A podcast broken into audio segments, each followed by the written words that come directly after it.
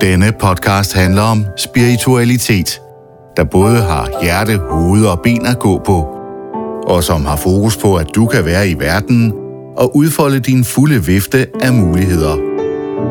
Udgangspunktet er, at du er et vildhjerte, som med mildhed og ægthed kan bringe dig selv i spil og skabe mere helhed og livsmening. Søren Hauge er terapeut og spirituel underviser og har i mere end 40 år formidlet og inspireret mennesker i ind- og udland med et livssyn, der har højt til loftet, god jordkontakt og hjertet i centrum. Giv dig selv muligheden for at mærke, at nye perspektiver og forståelser kan få plads i dit liv. Det kan ændre din opfattelse af dig selv og verden, og give dig mere gnist, nærvær og livsmod. Velkommen til min podcast, hvor vi i dag skal se på det fascinerende emne Udfold dine arketyper. Allerførst så kunne jeg godt tænke mig at sådan lige sætte selve ordet arketype stævne. Bare så vi er helt sikre på, at vi kigger nogenlunde i den samme retning. Hvad ligger der egentlig i ordet arketype? En arketype er på en eller anden måde noget universelt. Så vi kunne sige, at menneskelige arketyper, det er nogle universelle roller, som vi kan spejle os i som mennesker. Og øh, derfor så er det noget fælles menneskeligt. Der er noget, som vi alle sammen kan genkende i større eller mindre grad, men det får et individuelt præg i hver og en af os. Så arketyper er altså på en og samme tid meget upersonlige eller overordnede, og så bliver de i vores liv meget personlige og inderliggjorte, øh, erfaret og levet i netop vores liv. Men sådan helt overordnet, så kan man sige, at arketyper er idealforbilleder, øh, når man taler om arketyper, eller de er det modsatte, altså deres modsætninger. Så vi kan gå i vidt forskellige retninger. Vi kan gå i retninger af noget ideelt, eller noget langt fra ideelt. Men lige meget hvordan vi vender og drejer det, så er arketyper grundformer eller mønstre, som binder os sammen som mennesker. Jeg kan prøve at komme med et konkret eksempel, så det bliver tydeligt med det samme. Vi kan for eksempel tage arketypen, som er en beskytter. En beskytter kan jo være i udtryk på et væld af forskellige måder. For eksempel så kan en beskytter være en forældre, der passer på sine børn. Men en beskytter kan jo i virkeligheden også på et mere overordnet plan være en, lad os sige, dyreværnsorganisation, der værner om dyrevelfærd. Eller en beskytter kan være en advokat, der varetager sin klient. Eller det kan være politiet, der passer på en, der er blevet truet alvorligt. Så der er noget overordnet på fære, og det er noget fællesmenneskeligt. Beskytteren handler om at passe på nogen eller noget, at værne om. Men hvordan det kommer til udtryk at være beskytter, ja, det er jo en individuel og situationsmæssig affære, og det kan være hensigtsmæssigt, det kommer til udtryk, og det kan være uhensigtsmæssigt. Så beskytteren kan altså være i balance men beskytteren kan også være i ubalance. Så det er ikke givet på forhånd, at en arketype er hensigtsmæssig. Men det er noget, vi genkender. Og det, som jeg sætter stævne med dig her i dag, det er altså udfoldelsen af dine arketyper. Og da der er rigtig, rigtig, rigtig mange arketyper, så vil jeg egentlig bare starte med at give dig en fornemmelse af, hvor omfattende det her tema er, og så zoomer vi ind på nogle helt primære og ganske få arketyper, som jeg har noget helt bestemt at sige om. Så, noget af det, der i hvert fald har været med til at gøre arketyper til et kendt emne, det er psykologen øh, Carl Gustav Jung. Så når man taler om arketyper, så bliver det meget ofte Jungs arketyper, man taler om. Og egentlig har Jung præsenteret emnet arketyper på sin helt egen måde. Han har især fokuseret på nogle ganske få arketyper, som hele hans berømte psykologi er bygget op omkring. Han taler for eksempel om selvets arketype, og selvets arketype, det er ligesom vores dybeste natur som mennesker. Øhm, og det er sådan helt upersonligt overordnet, fordi selvet er øh, noget meget generelt og samtidig noget meget dybt, der lever inde i os alle sammen. Jung taler også om personaen som en arketype, og det er jo nærmest sådan en, en rolle, øh, som vi udtrykker os igennem i vores almindelige hverdag. Og Jung taler om skyggen som en arketype, det er det fortrængte. Han taler om anima og animus, det vil sige den feminine og den maskuline arketype, hvilket er nogle meget, meget centrale temaer.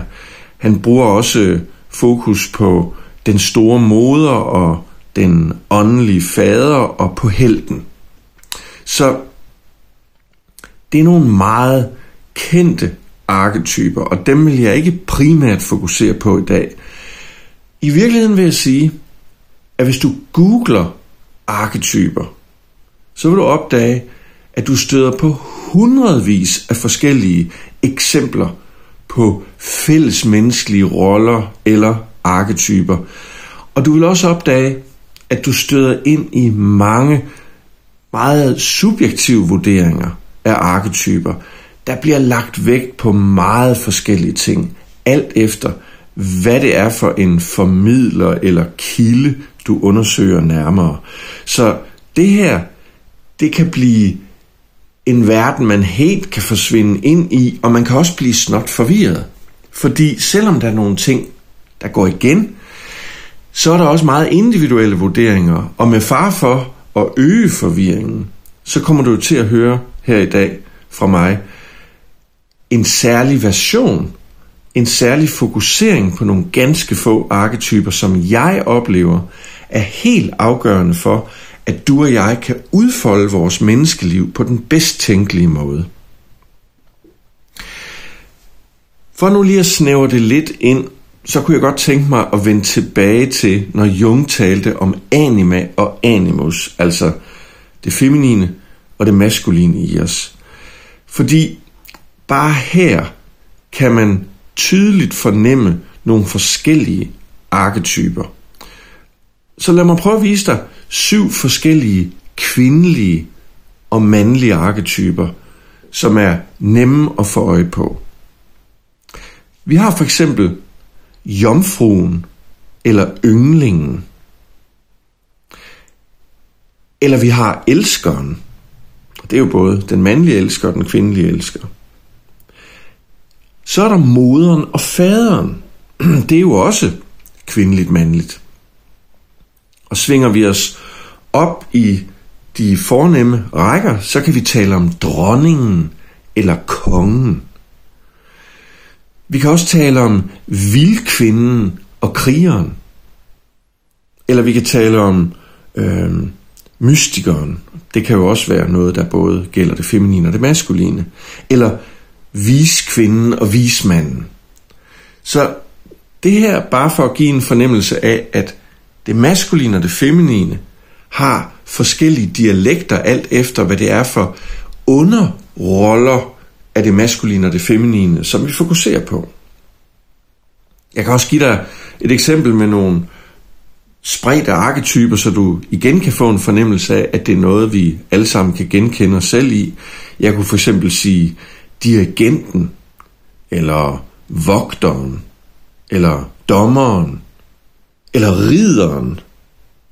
Jeg kunne også sige rebellen, eller den vise, eller komikeren, eller eventyren, eller jeg kunne sige kunstneren, udforskeren, frontkæmperen eller autoriteten. Så der er rigtig mange muligheder, når vi går ud af det her spor. Så det vi må gøre nu, det er, at vi må foretage et eller andet form for valg. Og nu øh, bliver jeg på en måde meget personlig, fordi baseret på mine personlige erfaringer med soulflow-terapi i mange år, så har jeg gjort mig nogle jagttagelser. Og det har ledt mig hen til en landing på, at som jeg ser det, og nu bliver det jo personligt, så nu får du endnu en, skal vi sige, personificeret dialekt af, hvad de virkelig vigtige arketyper er. Både når det drejer sig om mænd og kvinder.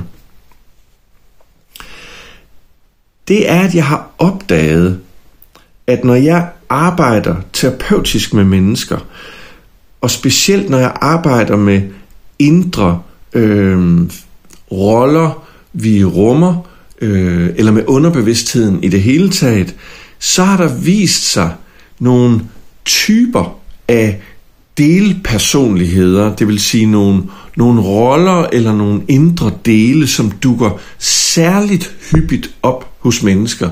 Jeg har haft den øh, fornøjelse og det privilegie at have i terapi. Øhm, og dem jeg nævnt for dig, fordi de leder hen til de fire særligt vigtige arketyper, som jeg er overbevist om, at vi har brug for at udfolde, for at blive så hele mennesker som overhovedet muligt. Øhm, så det jeg nu gør, det er, at jeg beskriver nogle sider, som hyppigst dukker op i menneskers indre, når vi arbejder med at blive mere hele. Den første delpersonlighedstype, eller den første rolletype, som jeg især har opdaget, det er, hvad jeg kunne kalde en meget kraftfuld side i et menneske. Så den her meget, meget kraftfulde side, den kan være beskyttende, eller den kan være afvisende. Den kan også være styrende, og den, den kan endnu være stærkt aggressiv.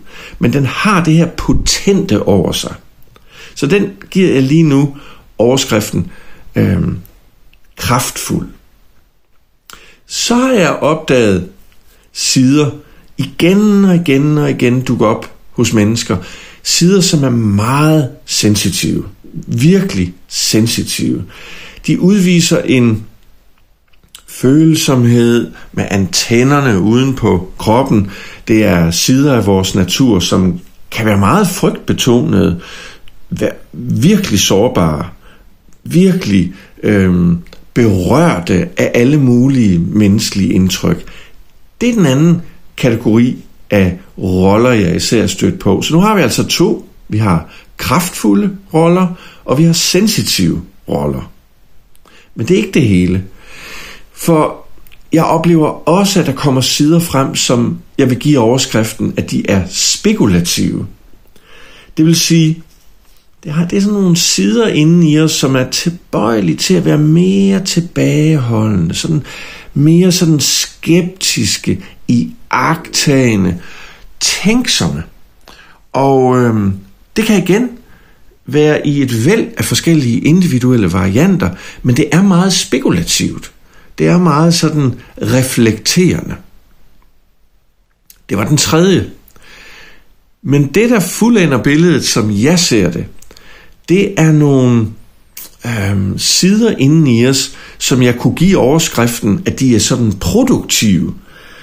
Og hvad betyder det? Jo, det er nogen, der sådan er, de, de, øhm, de frembringer noget. Det kan være på en lejende måde. Det kan være nogle omformende sider inden i os, der ligesom har det med at fremtrylle noget, eller skabe noget. Der sker et eller andet, når de her sider viser sig. Så dem har jeg ligesom givet overskriften sådan produktive. Så nu har vi altså fire forskellige sider af vores indre natur, som meget ofte, i mine erfaringer, viser sig. Altså kraftfulde, sensitive, spekulative eller reflekterende og produktive. Så, hvad er det egentlig, drivkraften eller essensen ved de her fire grundsider i os består af? Og der vil jeg sige, at det kræver ikke, når man kigger nærmere på det, så er det jo ikke specielt svært at få øje på, at de kraftfulde sider inden i os, de er viljesfaste. De har meget at gøre med viljen. Så kraftfulde delpersonligheder eller sider, vi rummer, de viser vores viljesnatur. Vores potens, kunne man også sige. Sensitive sider af os, det er noget fint følende. De viser med andre ord hen til følelse. Så som du kan se, så, så går vi fra noget, øhm, ja, genkendeligt, men vi går ligesom ind til benet af nogle funktioner, vi kender, nemlig vilje og følelse. Og det gælder også de to næste. For den, den spekulative side i os, den eftertænksomme eller reflekterende side, den har med tanken at gøre. Det er især tankefunktionen, der bliver aktiveret der. Hvad så med den produktive? Jamen, den har sådan en eller anden forvandlende karakter. Den fører over i noget, der bliver til noget. Og det er vores fantasi. Vores fantasi er jo netop noget, der former noget indeni, skaber noget, som er meget forskelligartet og rigt. Så vi har altså den kraftfulde side i os handler om viljen. Den sensitive handler om følelsen. Den spekulative handler om tanken. Og den produktive handler om vores fantasi. Så nu kan man altså sige, at vi kan gå fra disse fire grundfunktioner direkte over til de fire arketyper, som jeg i dag sætter stævne sammen med dig. Viljen fører frem til det, jeg kalder for kriger-arketypen. Følelsen fører over til healer-arketypen. Tanken fører over til geniet, den geniale arketype. Og fantasien fører over til magikeren eller skaberen som arketype. Og det jeg siger nu, det er, at ingen af disse fire kan undværes. Alle behøves. Det vil altså sige, det er noget helt grundlæggende. Så grundlæggende, at det, som jeg ser det, er helt essentielt for, at vi kan udfolde vores menneskelige natur. Der er ingen tvivl om, at det her, det viser sig både på en maskulin og på en feminin måde. Så det er ligeligt for kvinder, såvel som for mænd. Så der er ikke nogen forskel her. Det som så sker, det er, at alt for ofte, så dominerer en eller to af arketyperne, og de andre bliver mere eller mindre ignoreret. Og det betyder også, at en mere holistisk tilgang til livet, det fordrer, at vi får et godt forhold til alle fire arketyper. Og man kan sige, at det er virkelig et spørgsmål om at øh, forstå, at de har brug for hinanden, de her fire. De danner ligesom en mandala, de danner sådan en, en cirkel, og man kan sige, at krigeren og healeren står over for hinanden, så krigeren er den ene side, og healeren er den anden side. Og så på tværs, der har vi geniet og magikeren. Og øh, de fire er helt specielle. Og jeg kunne tænke mig, at allerede nu hvor jeg har nævnt det for dig, så kan du mærke, at i din egen respons, der er du gladere for nogle af arketyperne, og du er mindre glad for nogle af de andre arketyper. Så for at vi kan komme hen til et godt sted med det, så tænker jeg, at øh, vi skal folde paletten mere ud. Jeg skal selvfølgelig forklare mere direkte, hvad er det så, der er så specielt og værdifuldt ved de fire arketyper.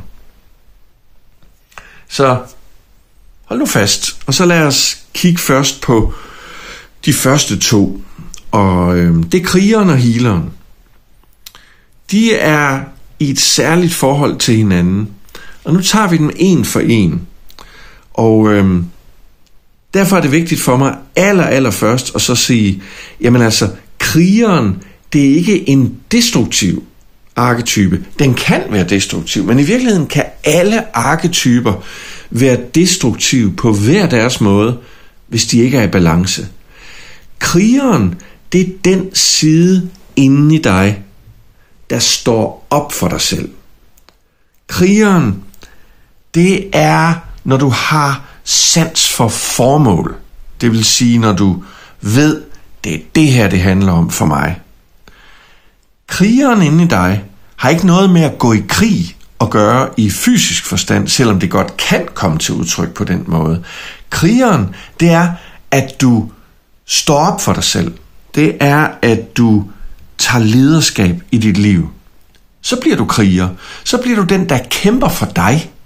Den, der står ved dig. Det vil sige din autoritet. Så krigeren i dig er den side i dig, som også er i stand til at tage initiativ. Det er en side i dig, som tydeligvis er i stand til at beslutte vigtige ting. Og det er vigtigt at beslutte ting, og beslutningskraft, det indebærer jo, at vi bruger vores vilje, vi sætter den igennem. Der er noget målrettet over den her side i vores natur. Den giver os gennemslagskraft. Det er også krigeren, der gør, at du har mod til det, som skal gøres, måske selvom du er bange. Det er krigeren i dig, som handler om din styrke, og om din evne til at blive synlig som den du er. Så du ikke forsvinder i mængden, men du faktisk er til at få øje på, fordi det er jo vigtigt, at man er et selvstændigt individ, at man kan stå på egne ben, at man kan sætte grænser og tage retning. Og det er også vigtigt at kunne sætte handling bag sine intentioner. Det vil altså sige at udvise handlekraft og at nå i mål. Så prøv at lægge mærke til, at når jeg taler om de her ting, så er det noget, som du og jeg har brug for. Når det så er, at din og min indre kriger er umoden, det vil sige, når den er i ubalance, så viser den sine bagsider eller skyggesider. Og det kan for eksempel resultere i en overdreven fokusering på dig selv. Det bliver sådan en mig-dyrkelse, en en tydelig tendens til at dominere, og det kan, det kan udvikle sig til magtsyge. Det kan vise sig ved, at, øhm, øh, at man undertrykker både sider i sig selv og andre mennesker. Det kan komme til udtryk ved at ignorerer andre. Altså, man, man lytter sgu ikke til dem. Man, man pløjer sig bare igennem med sine egne dagsordner. Og det kan medføre en stor grad af isolation når krigerarketypen fylder alt for meget, så, øh, så viger andre mennesker væk, og så bliver man alene. Det kan også komme til udtryk ved utålmodighed, eller at man bliver ubøjelig og egenrådig. Eller det kan vise sig som ubalanceret mod, nemlig dumdristighed.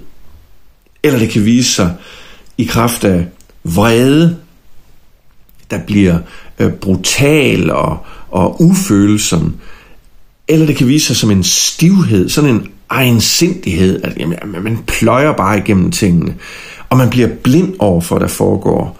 Så manglende kontakt med den balancerede side af krigeren kan føre til alle disse ubalancer. Og i det hele taget vil jeg sige, hvis man, hvis man, du, jeg, har svært ved at have føling med krigeren i os, jamen så kommer det til udtryk ved nogle helt tydelige menneskelige øh, situationer. For eksempel, at man ikke kan blive vred. At man ikke er i stand til at sætte grænser. Og det er der ved Gud mange mennesker, der kan øh, skrive hjem om, at øh, det er et stort problem for mange. Ikke for alle. For dem, der har en god overflod af krigerarketypen, de har jo ikke det problem. Men ubalancerne, manglen på øh, udtryk for krigeren, det vil i meget høj grad vidne om et stærkt behov for at udvikle og balancere den her arketype, så den bliver virkelig fascinerende at udfolde i sit liv. I den podcast, du lytter til, tager terapeut, underviser og forfatter Søren Hauke dig på en rejse ind i en større virkelighed, hvor du kan få mere fornemmelse for din livsglæde, frihed og naturlig væren, så du med åben hjerte og sind kan leve dit liv mere fuldt og helt. Nu går jeg fra krigeren til den modsatte eller den komplementære arketype i den her præsentation, jeg giver dig lige nu. Så vi går altså fra viljen til følelsen.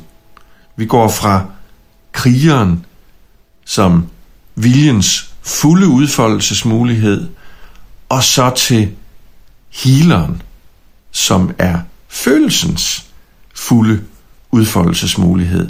Eller skulle jeg måske snarere sige, den indfølende evne. Fordi healeren er jo i virkeligheden den side af os, som er super god til at lytte. Det er den side af os, som helt naturligt bliver dybt interesseret i andre mennesker. Så det giver indlevelsesevnen. Det giver den her at skabe et rum, både for sig selv, men også for andre. Så healeren udviser empati. Det vil sige en evne til at mærke, hvordan et andet menneske har det, uden at sympatien eller antipatien den tager over og bliver dominerende. Så det kan godt være, at der er visse ting hos et andet menneske, man har stærk sympati for, der er andre ting, der ikke er så fede, som man måske sådan har mere antipati imod, men empatien, den er i stand til at fagne det menneskelige og alligevel føle sig forbundet med det andet menneske.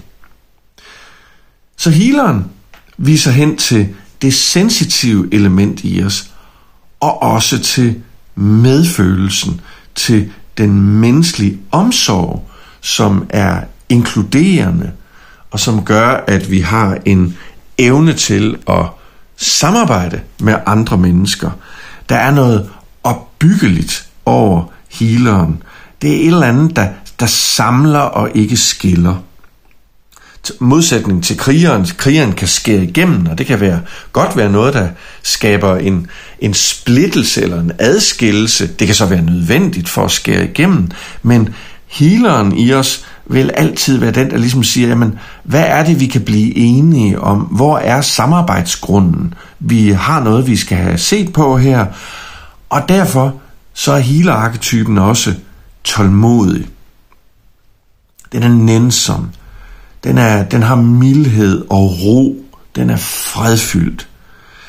Så healeren er en fantastisk side i os, ligesom krigeren.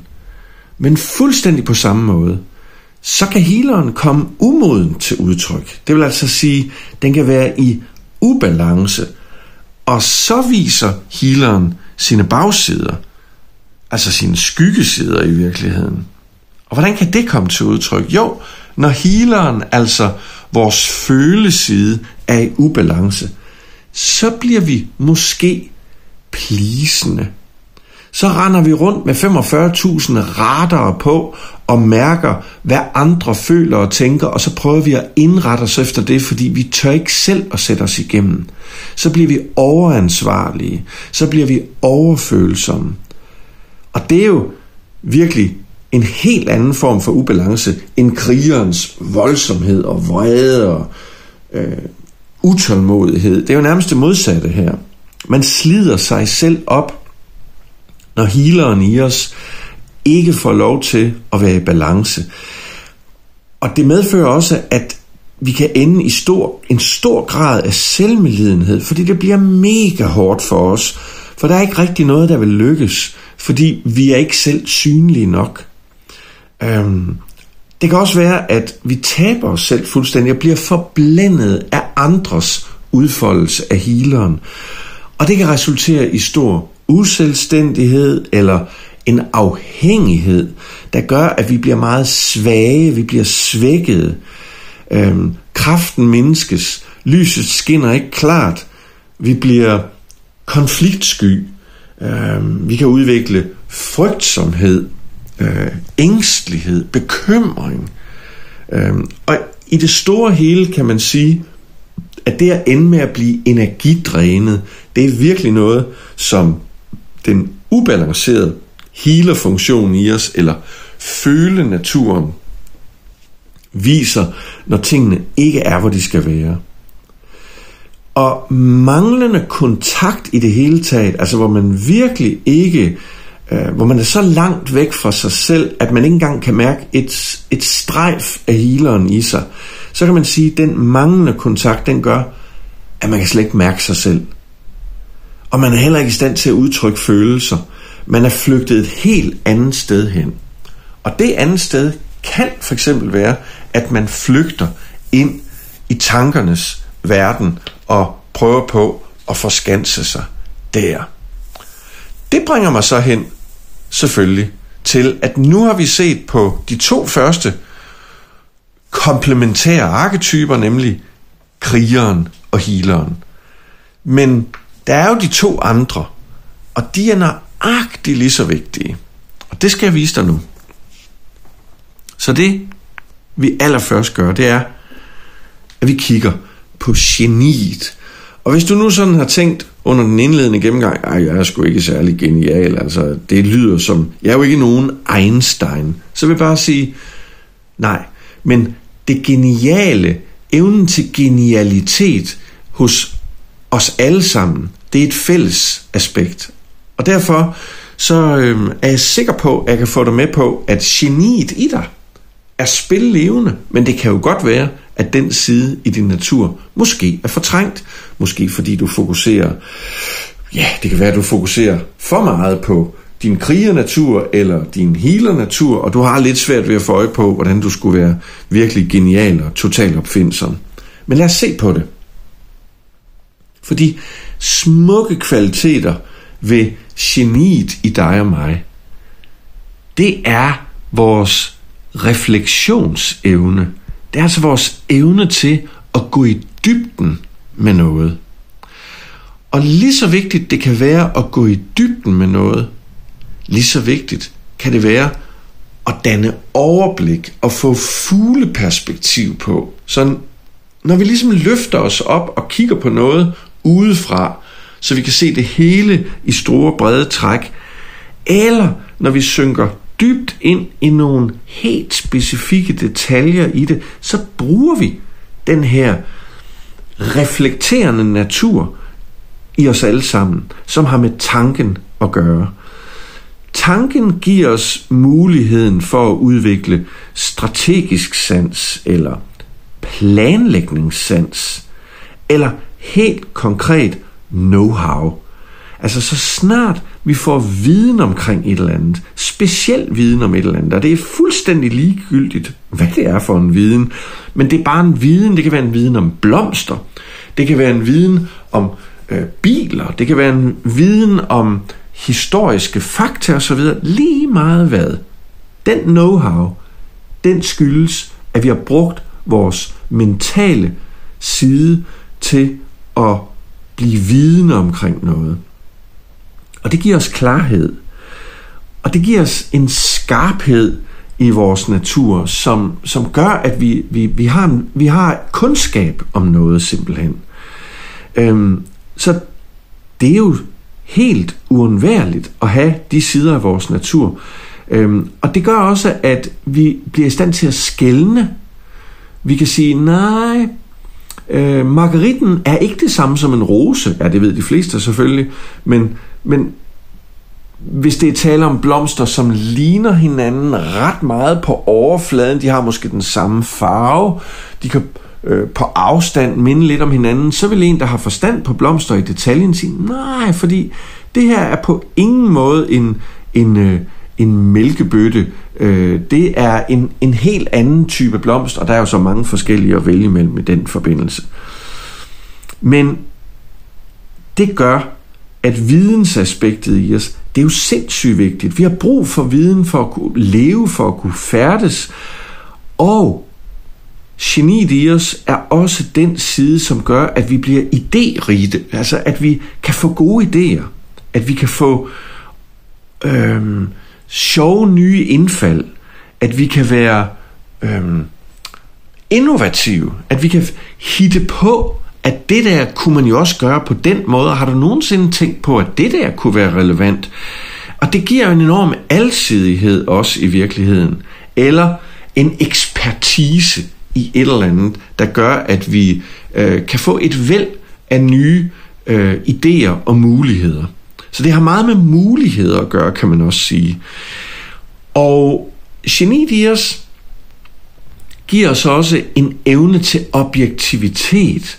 Fordi altså en brille, det er ikke det samme som et par bukser. Det er jo, det er jo, det er jo det er en objektiv kendskærning. Der er ikke noget at diskutere her. Det kan godt være, at man har bukser, som har billeder af briller på, men det bliver buksen jo ikke til en brille af. Så det er meget, meget enkelt i virkeligheden. Objektivitet hører til tankens egen natur. Og det giver også en upartiskhed, der gør, at vi er faktisk i stand til, hvis vi skal forholde os faktuelt til noget, så kan vi lytte til forskellige synspunkter, og uanset hvad vi selv mener, så kan vi, hvis vi er objektive, så kan vi gengive de forskellige synspunkter og kigge på dem fra forskellige synsvinkler. Og det er da en vanvittig vigtig side ved vores natur, at kunne være objektiv, at kunne få nye idéer, at kunne se en sag fra flere sider, at opnå klarhed og know-how. Det er der, hvor vi kan blive originale i vores hverdag, fordi vi kan finde på ting, som er vores vinkler, som andre ikke har fået øje på. Der bliver geniet aktiv i hverdagsperspektivet. Men det kan også vise sig umodent. Det har også en bagside, det her. Det har sine skyggesider. Og det kan jo dels være, at øh, geniet i dig og mig bliver øh, grublende, går alt for meget i detaljer med ting og fortaber sig i forskellige perspektiver. Og på den måde så kan man sige, at vi, øh, øh vi bliver tabte. Vi, øh, øh, vi kan ikke rigtig finde rundt i det, fordi øh, vi bruger alt for meget krudt på at, at grænske ting. Og det kan gøre, at vi bliver rådvilde, at vi bliver tvivlende, og så stivner vi i en vis forstand. Øhm, det kan også betyde, at vi bliver overanalytiske og, og går alt for meget i detaljer, og det kan betyde, at vi bliver alt for skeptiske. Vi kan ligefrem blive manipulerende med den viden, vi har. Og det kan jo være både dårligt for os selv og for andre. Det kan også være, at vi, vi kan blive lidt ligeglade, fordi vi kan bare læne os tilbage, og så kan vi fokusere på de mentale ting. Og det kan udvise en form for følelsesmæssig distance, der gør, at vi bliver kyniske, at vi bliver øh, beregnende, alt for beregnende. Øh, og, det, og det er i virkeligheden en form for overfladiskhed. Øhm, og den gør, at vores tilværelse bliver frugtesløs, fordi når vi bliver ufølsomme, så mister vi kontakten med livet. Vi bliver kolde, og vi kan ligefrem blive arrogante af det, og det kan udvikle en, en farlig ensidighed. Så der er mange forskellige måder, man kan komme ud af nogle uhensigtsmæssige spor med geniet. Hvad så, når man sådan decideret har en manglende kontakt med den her tænkende, mentale side i vores natur, jamen, så kommer det jo typisk til udtryk ved, at man, man tvivler voldsomt på sig selv. Man, man tror ikke på, at man selv har nogle synspunkter, der er værd at nævne. Man er dybt usikker på, hvad man skal mene omkring noget. Og det gør jo, at man igen bliver voldsomt svækket i sin natur. Så eksemplet her er jo tydeligt nok. Så er det, at geniet har sin polære modsætning. Og det er den arketype, som jeg kalder for magikeren. Og hvad er det, der kendetegner vores indre magiker?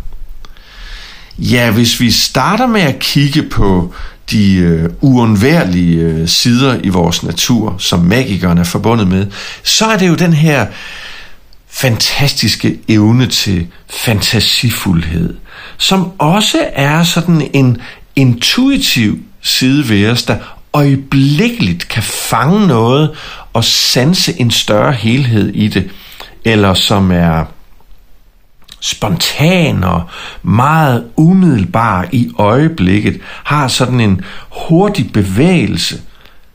Eller det kan være, at det kommer til udtryk i form af skønhedssans, øhm, der er en, en æstetisk tilgang til tingene, der er en evne til at opfatte noget, som er harmonisk eller graciøst, en sans for elegance, Øhm, det kan også komme til udtryk ved, at man er god til at organisere noget på en opfindsom måde, så det faktisk fører til noget, der slet ikke var synligt før.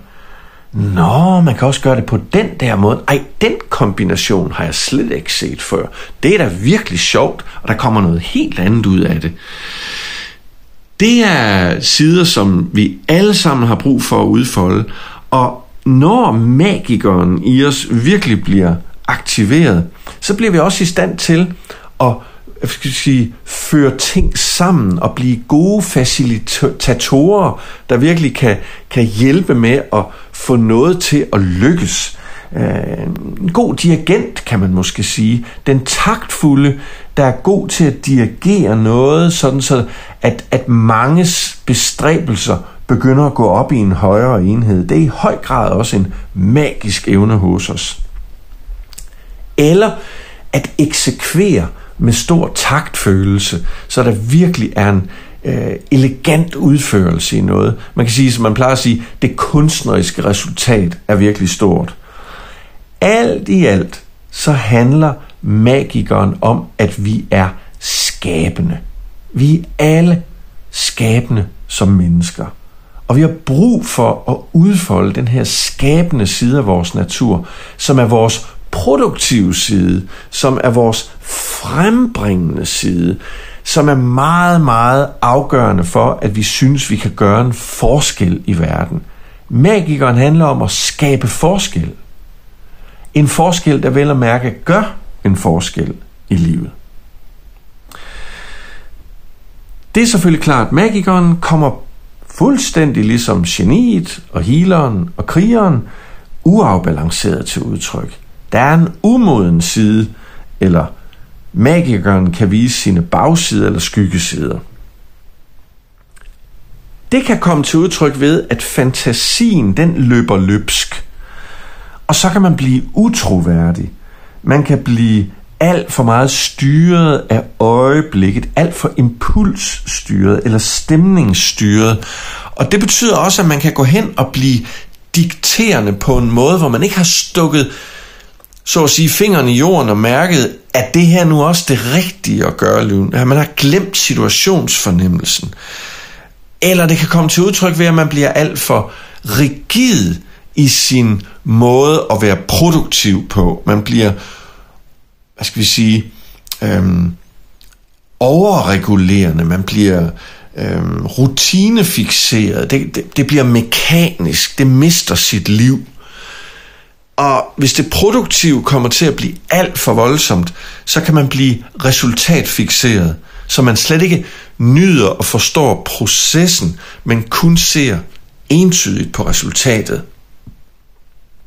Det kan også vise sig ved, at man er alt for balstyrisk i det her fantasifulde, emotionelle, mentale selvsving, som gør, at man bliver dramatiserende, man bliver måske ligefrem en drama queen, man bliver kaotisk, man bliver måske konfliktopsøgende, fordi at man ikke har en dybere kontakt med kernen i sin egen natur. Og så kan det blive en noget af en øh, tur i øh, karusellen, når man prøver at udfolde det, der skulle være magikeren, men som måske bliver ikke kaospiloten, men som bliver kaosfrembringeren. Så der er mange muligheder for, at magikeren også taber sin kraft. Og i sidste ende, hvis man mangler, hvis du og jeg mangler kontakt med vores indre magiker, øh, så tør vi ikke lege så tør vi ikke eksperimentere. Så får vi ikke sat vores eget originale aftryk, og så er vi heller ikke villige til at handle så noget rent faktisk ser dagens lys på den måde, som det kunne gøre. Det her, det har jo været en gennemgang af de fire arketyper, som jeg opfatter som fuldstændig fundamentale for, at vi kan udfolde os selv som mennesker. Det man jo kan sige sådan rent overordnet med det her, det er, at de her fire grundsider, uanset om I er kvinder eller mænd, de behøver hinanden. Og især vil jeg sige, at krigeren og healeren har stærkt brug for hinanden i et makkerpar det er jo en, på en måde at sige, at det maskuline og feminine skal være i balance, hvis vi siger, at, det, at krigeren er mere det maskuline, uanset om man er kvinde eller mand, så er krigernaturen mere maskulin. Og healernaturen er, uanset om man er mand eller kvinde, mere det feminine aspekt i os, det indfølende. Så krigeren og healeren, det er vores kraft og vores følsomhed. Og det vi har brug for, det er følsom kraft. Vi har brug for at være fredskrigere. Vi har brug for at være stærke healere i vores liv. Og jeg taler ikke lige nu om, at man skal være healer af profession. Jeg taler om, at vi alle sammen som mennesker har et helende potentiale, og vi har alle sammen et kraftfuldt potentiale. Det har brug for at blive udfoldet.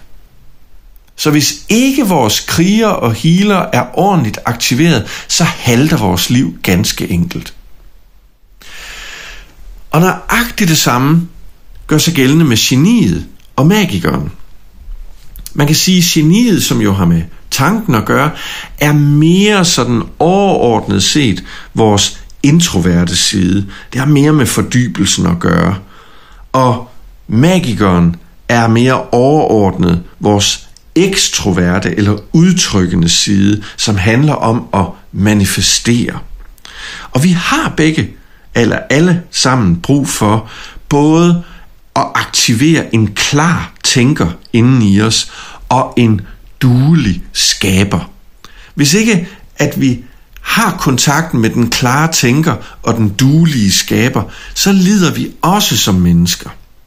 Så det helt afgørende er, at disse fire behøves som to par, der danner vores livsmandala. Og man kan sige, en, to, en voldsom mangel på de her arketyper, det gør, øh, at vi simpelthen er helt ude af balance. Krigeren kan for eksempel gøre, når den er helt ude af balance, kan betyde, at du er ude af kontrol. Din indre healer, øh, når den ikke er i balance, den kan gøre dig til offer for din følsomhed. Øh, dit indre geni, som ikke bliver aktiveret, kan medføre, at du ikke ser klart, og at du derfor ender med altid at være taberen. Og din indre magiker, som ikke er aktiveret, gør, at tingene bare aldrig bliver til noget. Så du kan måske godt tydeligt, det håber jeg, fornemme, at det her, det er en stærk palet. Det er en virkelig stærk helhed. Og nu er vi mennesker jo altid vidt forskellige og dybt individuelle. Og derfor så er det vigtigt for mig at sige, at der er ikke to, der udtrykker det her på samme måde. For det fede ved livet, det fantastiske ved vores liv, det er jo, at vi skal finde netop vores særlige vej at udfolde os på. Så der er ikke to af disse fire arketyper, som er identiske hos nogen mennesker. Og her kommer en vigtig pointe. Du har nok altid en eller to af disse arketyper, som er dine favorites. Og det er helt ok. Det er sikkert helt som det skal være. Så det, der bare er det vigtige, det er, at den eller de arketyper, sandsynligvis en eller to, som er stærkt dominerende hos dig, de har brug for at få assistance for de øvrige. Sådan så, skal vi sige, din, din ledestjerne eller din førerhund øhm, får støtte, sådan så at resten af feltet er med til at afbalancere det, som går i spidsen i dit liv, om det er krigeren, healeren, geniet eller magikeren. Det, der er vigtigt, det er, at du kommer til kendskab om dine arketyper, og især selvfølgelig fokuserer på dine stærke arketyper og dine særligt svage arketyper, fordi det er der, at udviklingsrejsen den virkelig gemmer sig. Det er sindssygt vigtigt, at dine stærke sider ikke marginaliserer de mindre udviklede sider i dig, men at de kan bruges som en løftestang til at fremme, at du træder karakter som det skønne og helt specielle menneske, som du er. Så den fulde palet af de fire arketyper, som jeg har præsenteret her, er altid løsningen. De manglende tilstedeværelser af arketyperne vil altid medføre en eller anden grad af svækkelse, menneskeligt set. Hvis jeg skulle slutte med at give dig et øh, vink med, hvorhen det her kan lede os, så vil jeg sige, at det her er jo i virkeligheden en, øh, en slags arketype, du kan stille dig ind i midten af.